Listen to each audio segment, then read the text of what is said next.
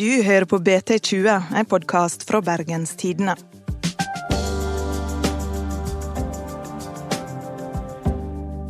«17. mai fyller Norges eldste rockeklubb, Hulen i Bergen, 50 år. Helt siden 1969 har generasjon etter generasjon ført musikkarven videre i bomberommet på Møhlenpris. Her er i alle fall litt av historien om Hulen.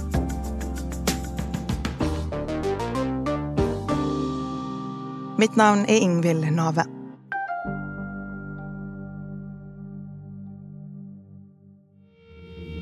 Ja, jeg kan jo begynne med å si litt om eh, forhistorien for Hulen.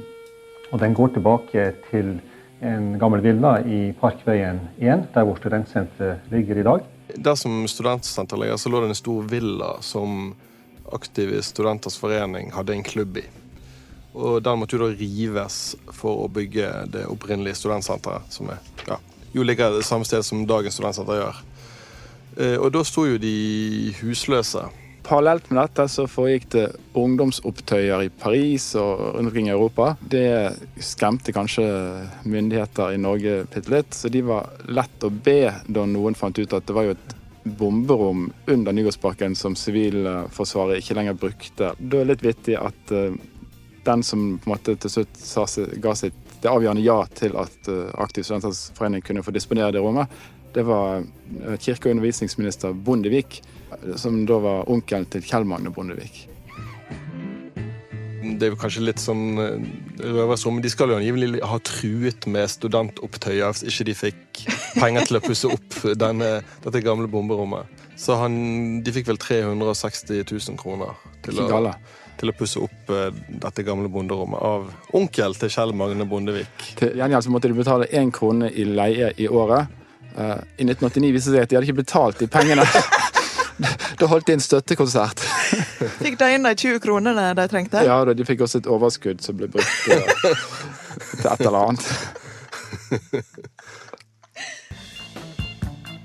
I et halvt århundre har Hulen prega musikkbyen Bergen. Band som Aller Verst og Program og flere av disse her Ken Dang. Og, eh, Hulen var på mange måter om ikke det eneste, så tilnærmet det eneste spillestedet for mange av disse her i Bergen. Det har skjedd veldig mye rart i bomberommet på Møhlenpris. På 70-tallet satt tidligere branndirektør Harry Herstad i styret for rockeklubben. Vi gjorde eh, forsøk på å tilfredsstille alle. Jeg glemmer aldri vi hadde en høne her inne. For det var en fakir vi leide som, eh, som skulle sluke noe sverd og brenne sånne fakler. Og han måtte ha en høne. Hvor den hønen ble av, det har jeg lurt på i 25 år etterpå. På 80-tallet gjorde punken livet vanskelig for visesanger Jan Eggum. Så Jeg holdt meg ikke unna fordi om, fordi om det var rock'n'roll og punk. Det var selvfølgelig en periode hvor det var, det var såpass hipt at det var nesten umulig for en stakkars visesanger å få innpass. Og litt seinere ble Lars Lillo Stenberg og De Lillos imponert. Det er jo et unikt sted. Vi, vi ble vel imponert over det, at det lå inni en, inni en hull, inni fjellet. De klippa her er henta fra en dokumentar laga av Totto Mjelde i 1998. På den tida vanka det òg to andre karer i klubben. Kulturjournalister i BT, Erik Fossen og Kjetil Ullebø. Altså, Mitt uh, første møte med Hul uh, det var egentlig ganske traumatisk, skal jeg være helt ærlig. Det var, um, dette var vel Jeg tror det var tidlig i 1996. Så skulle et av mine um, favorittband på den tiden, et engelsk indie-band som het, heter Swerve Driver, de skulle spille på Hulen. Og selv om jeg bare var 16 år, så var jeg og noen kamerater vi var fast bestemte på at vi skulle inn på den konserten, samme hva. Uh, og vi var ganske nære, fordi vi klarte å få noen til å Altså På Hule har du liksom to innganger. Du har den hovedinngangen, og så har du òg backstage-inngangen, som man bærer inn utstyr videre. Men vi klarte altså å få lure noen til å åpne opp backstage-inngangen for oss. For vi, vi, kom jo ikke inn, selvfølgelig. For vi, jo, vi, var jo 16 år gamle. Så dere sneik dere inn? Vi sneik oss inn, og så kom, gikk vi liksom oppover den eh, gangen. Eh, liksom Like før du kommer inn på selve utestedet Hulen. Og like før vi liksom faktisk var inne i lokalet, i det forjettede land, så eh, kom det en som jobbet der og spurte hva gjør dere her? Og da sa 16 år gamle Kjetil Ullebø Jeg tror jeg sa at jeg lette etter toalettet. Men jeg, jeg var jo en 16-åring som ikke Jeg så i hvert fall ikke ut som jeg var eldre enn 16, så uh, jeg ble vi, ble vi ble kastet ut, rett og slett. Så ditt første møte med hulen var å bli kasta ut? Ja. Jeg har hørt fra ganske gode kilder at det ble felt opptil flere tårer utenfor hulen fra, i den gjengen. Begynte du å grine? Nei, det, det, ikke, det, stemmer ikke. Så vidt jeg kan huske. Uh, men dette er jo lenge siden. Nå fyller jo Hulen 50 år. Hva er det med Hulen som gjør at det er en sånn spesiell plass i Bergen? Det har jo vært en viktig konsertscene i Bergen. Spesielt kanskje først og fremst fra slutten av 70-tallet og til og med 90-tallet, litt ut på 2000-tallet. Så var det et ekstremt viktig sted for uh, fordi de hadde store, kule internasjonale band, og de hadde mange lokale band spilte der. Eh, så det har jo vært en veldig viktig scene for det alternative musikkmiljøet i Bergen. Hulen er seg sjøl, på en måte. Det er ikke noe som skal selge en stil. Det er ikke noe sted som skal generere enormt masse penger. Det er et sted som eh, Der folk i en veldig viktig fase av livet, studietiden, kan eh, lage de sprell og løyer som de sjøl har lyst til, og drite seg ut i et trygt selskap og ha det gøy. Er det noen av disse legendariske bergensbandene som har kommet ut av den scenen som eh, var på Hulen? Det første jeg kommer på, er jo det aller verste. Eh, dette var jo litt før min tid, da, men på begynnelsen av 80-tallet så var Hule et veldig viktig sted for de, og et sted de spilte mye. I sin samtid ble det jo aldri et band som eh, liksom var på hitlisten osv. Men det er jo et band som har påvirket igjen ehm, eh, de nye norskspråklige artistene fra Bergen, sånn som Jon Olav Nilsen og gjengen og Fjorden Baby og, og ikke minst Rasika, som var store, det aller verste fans, og jo er vokst opp rett ned i gaten for, eh, for Hulen. Jeg tror kanskje særlig 80-tallet var veldig, eh, veldig blomstrende tid for musikken på Hulen. Da gikk det an å gå på Hulen som familie. Ungene ble plassert oppe i diskoen. Der var det noe slags lekeområde. Og så kunne foreldrene få sin restaurantmiddag nede i baren. Jeg eh, kan, eh, kan for øvrig avsløre at jeg var en av de ungene som ble plassert i eh, i, i, I lekegrinda på Hulen? Lekegrinden på begynnelsen av 80-tallet, mens mine foreldre spiste biff. Men på den tida var det vel òg lov å røyke inne på Hulen? Hele, hele, verden var jo lov å røyke inne. På julen var jo det en fordel, for stinket det sånn. For det er veldig mye øl som ble liggende liksom, utilgjengelig. Ikke gjerne å vaske nede under gulvet i det vi kalte grøftene langs veggene. Og nå legger jeg til altså, rottene som levde der. Eh, så, så var det jo jeg ikke om Mattilsynet hadde godkjent alt som foregikk i dag. Var det mye rotter der? Det var rottene som det var en gang, Dette står i denne huleboken som kom ut for 25 år siden. Uh, Lars Lillo Stenberg hadde vært på Hulen, ikke som artist, men som uh, ja, Han var vel på Håkonsvern på den tiden. Og da fikk han en idé om å gjemme seg på Hulen når de stengte, sånn at han skulle kunne drikke øl uh, etterpå. Det er mulig, Jeg håper at han var i selskap med en kompis. Sånn. Iallfall de klarte å gjemme seg, og det er mulig at det var nachspiel, altså det pleide, men det også gikk over. Men det som spolerte hele planen til slutt, var at rottene skremte de ut igjen. men det lukter ikke så rart der nå, gjør det det? Um, altså, jeg var jo der for, for, første gang på ganske lenge her for noen uker siden. Uh, det lukter litt. Men det er jo når man er liksom, Det er jo en hule inni et fjell, uh, så det, det, får, det, det, kommer jo en spesiell lukt. Så det er mer liksom omgivelsene enn Det lukter ikke så mye sånn øl, og jeg tror, de, jeg tror ikke de slumser med renholdet så mye nå. Er det noen av dere som har vært med og spilt støttekonserter på Hulen? Og fått ja, sånn? flere ganger. Første konserten på Hulen, det var litt som Første gang jeg var på Hulen, det, det gikk, ting gikk litt skeis der. Og det, det, var en av de første konsertene jeg spilte med dette bandet. Eh, og så, Jeg spilte jo bass, da. Og så, hva heter det? Jeg har faktisk glemt hva det var. Satan Galant? Ja, det var kanskje Satan, Satan Galant. Galant. For et bra navn! Men så røk eh, Jeg spilte jo bass, og så røk jeg den viktigste strengen etter eh, ti sekunder inn i konserten. Og det er ikke så veldig ofte man ryker en basstreng, altså. Så jeg måtte spille Jeg, ikke, altså jeg var altfor stresset at jeg klarte, jeg klarte ikke å skifte strenger på bassen min på scenen. Så jeg måtte bare låne bass av eh, et av de andre bandene. Så, men det gikk nå på et vis.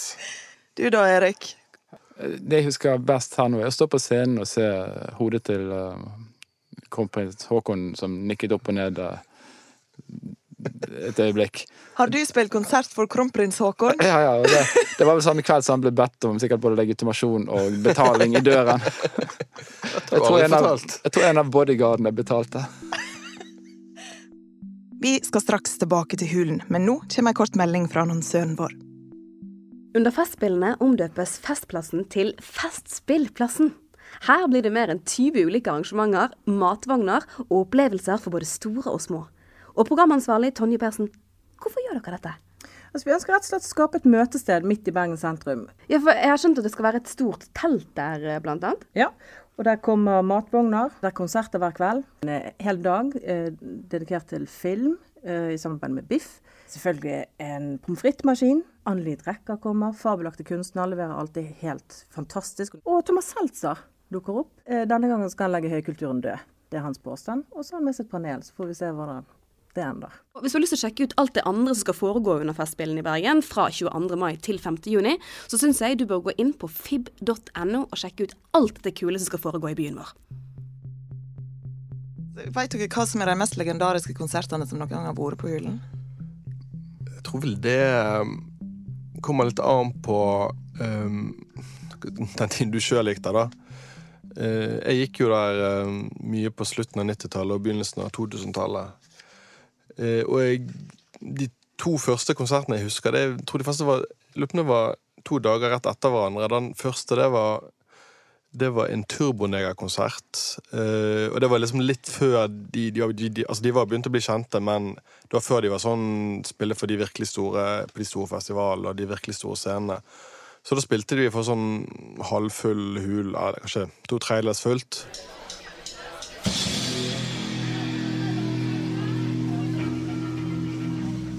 Men det jeg husker da, var jo at det ble virkelig sånn masseslagsmål. For det var, eh, det var noen skins, eh, og så var det noen punkere. Og punkerne kalt, de mente jo skinsene var liksom nynazister. Noe de for øvrig ikke var. Men eh, det, dette endte altså opp i et virkelig masseslagsmål.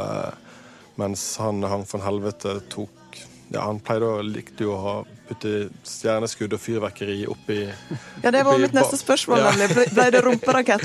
Det ble rumperakett og masse slagsmål, og det er jo sånn som gjør inntrykk på en 18-åring, som jeg vel var da.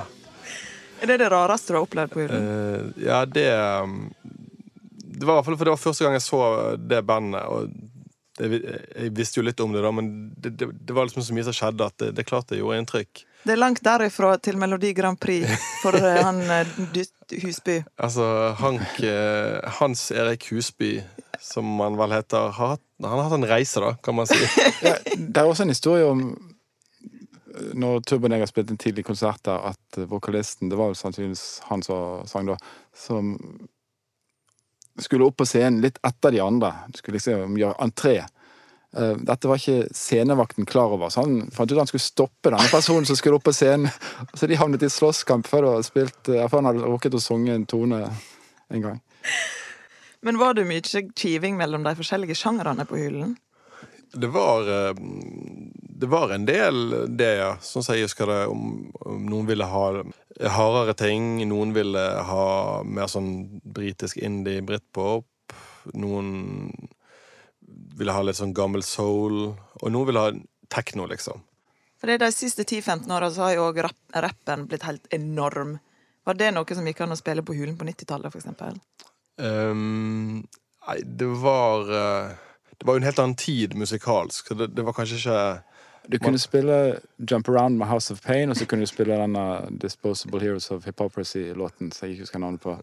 Og så- De to var innafor. Ja, og en til var det, um, som jeg heller ikke husker navnet. Det var tre låter du kunne spille med hell. eh, altså, Ja, du kunne spille Outcast, Heia. Når den Det var litt senere, ja. Det var litt senere. Hva som var Hulens storhetstid? Altså, det er jo det, det blir litt sånn at Man blir farget litt av når man selv gikk der. Eh, men, men man kan, tror man kan si i hvert fall at eh, Hulen nok ikke er så sentral for den bergenske musikkscenen nå. Og det er jo det mange grunner til. Altså, både fordi at på der, altså på, til og med litt ut på 2000-tallet så var jo det studentstedene var jo veldig viktige konsertarrangører. Det var der bandene kom. Eh, Dette var jo før eksempel Bergen Live begynte å arrangere konserter sånn som de gjør nå. Eh, og det, så var det jo òg mye færre, færre steder hvis man var liksom eh, likte rock og ja, følte seg litt alternativ, så var det veldig få alternativer. Og, det var liksom Studentene gikk i større grad på det som ble definert som studentsteder. Kvarteret og, og Hulen, eh, først og fremst. da. Mens utover eh, 2000-tallet så begynner det å komme mye andre litt sånn alternative barer, f.eks. rundt i Nygårdsgaten med legal og ujevnt, og man har steder som Victoria i Kong Oscars gate. Andre steder som òg man kan si er for musikkinteresserte unge folk, og som er populært blant studenter. så det Hulen har fått større konkurranse enn de Ja, det er større konkurranse, og, og musikkbransjen har i det hele tatt endret seg. Så det, det er jo mange grunner til at kanskje ikke Hul er så viktig som det var for kanskje for 15 eller kanskje for 20 år siden. Jeg er enig, altså. Før 1995 så var konkurransen garasje og til dels opera. Så åpnet kvarteret i 1995, og etter hvert så forsvant både ASF og Realistforeningen ned der. Og da var det noen år der Hulen kunne surfe på og være så ufattelig mye kulere enn Kvarteret. Men det også har jo fortapt seg med tiden. Dagens studenter skjønner jo ikke det.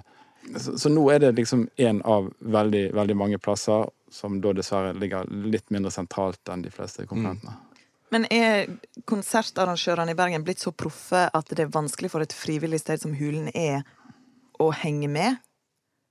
Ja, det er, det er jo litt sånn som det som blir litt problemet til eh, sånne steder som er drevet av studenter og frivillige, at de er jo der gjerne i en, bare i en kort periode. Eh, og når man begynner å få dreisen på ting, og når man begynner å liksom få gode kontakter i ulike bookingbyråer, så, så, slutter man gjerne, og kanskje man begynner i den profesjonelle delen av bransjen. Eh, så det er jo Det er nok litt vanskeligere for studentstedene å, å, i dag enn det var, fordi det, det er flere om beina, og det er større konkurranse. Tror dere det vil eksistere om nye 50 år òg? Hvis eh, byen og sivilisasjonen eksisterer, så tror jeg hun kommer til å være der.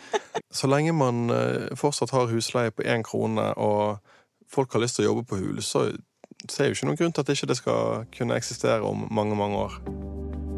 Det var ukas episode av BT20. Ha en god 17. mai. Sjekk òg ut vår nye podkastserie Nålebyen, der Cato forteller om sitt rimelig kaotiske liv som narkoman i Bergen. Hør den i appen vår BT Lytt. Produsent er Henrik Svanvik. Mitt navn er Ingvild Nave.